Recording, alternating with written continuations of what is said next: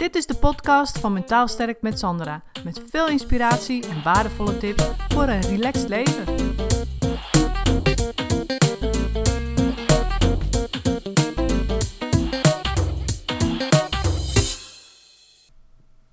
Hey, Sandra hier.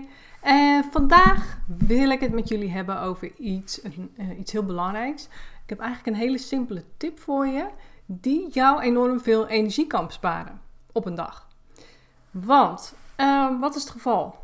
Nou, misschien ken je het wel van die mensen die zich heel erg druk maken over andere mensen. Bijvoorbeeld over mensen in de politiek, of over leidinggevenden, of over collega's, of over familie. Weet je, je hebt van die mensen die maken zich ontzettend druk over andere mensen. En misschien heb je wel zo iemand in je omgeving, je man, partner of uh, ja, familie, die dat dus doen. En waarschijnlijk kost het je dan ook ontzettend veel energie.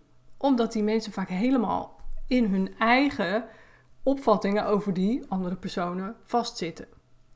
Nou, en wat je nu doet is waarschijnlijk daar, ja, als je het er niet mee eens bent, ga je er natuurlijk tegenin en zeggen: ja, maar ja, als het over de politiek gaat en stel je man die zit te zeuren over Mark Rutte of allerlei politieke partijen, wat allemaal niet werkt, dat je dan zegt van. Uh, ja, ja, weet je, je kunt je wel druk maken, maar het heeft toch allemaal geen zin. En hou er nou eens op om je druk over te maken. Hè, misschien reageer je wel op die manier. Net hetzelfde als dat je collega zit te zeuren over een leidinggevende. Dat je dan ook zegt van ja, maar ja, maak je niet zo druk. En, uh, hè, of je zus die heeft het over de familie en zegt ja, maar maak je niet zo druk. En diegene blijft zich gewoon druk maken. Dus dan kun je honderd keer zeggen maak je niet zo druk. Maar dat helpt dus niet.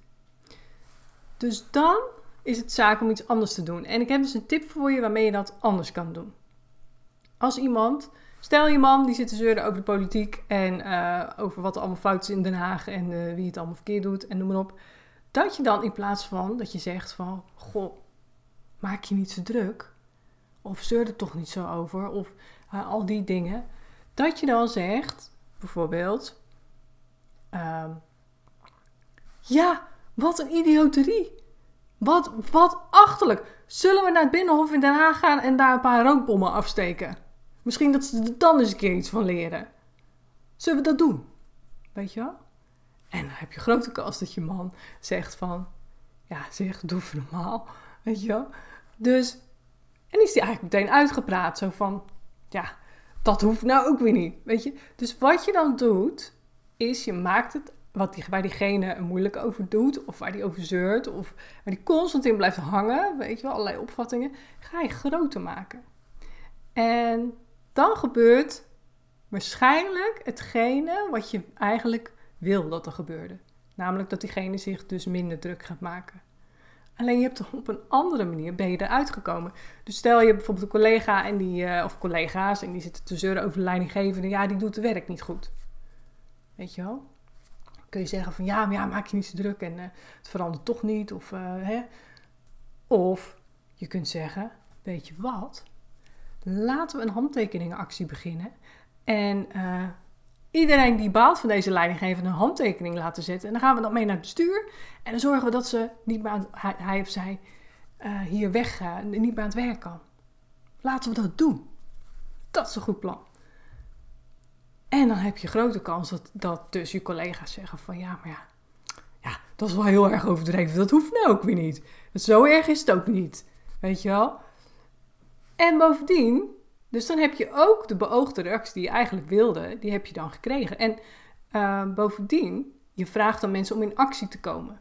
Dus laten we een handtekeningenactie uitzetten. Ja, en dan moeten mensen ineens in actie komen. En dan hebben ze ook een hekel aan, weet je wel. Dan moeten ze ineens iets gaan doen, toch echt iets aan gaan doen. En al dat, ze klagen er wel over. Dat, dat, is, dat, is dat, is, dat is natuurlijk niet uh, leuk, maar uh, om dan daar echt daadwerkelijk iets aan te gaan doen, vraagt actie. En dat is waar heel veel mensen gewoon afhaken. Die zeggen dan gewoon, oh ja, nee, maar ja, als ik er moeite voor moet gaan doen, moet wel allemaal vanzelf gaan, weet je wel. Dus dat is ook een manier.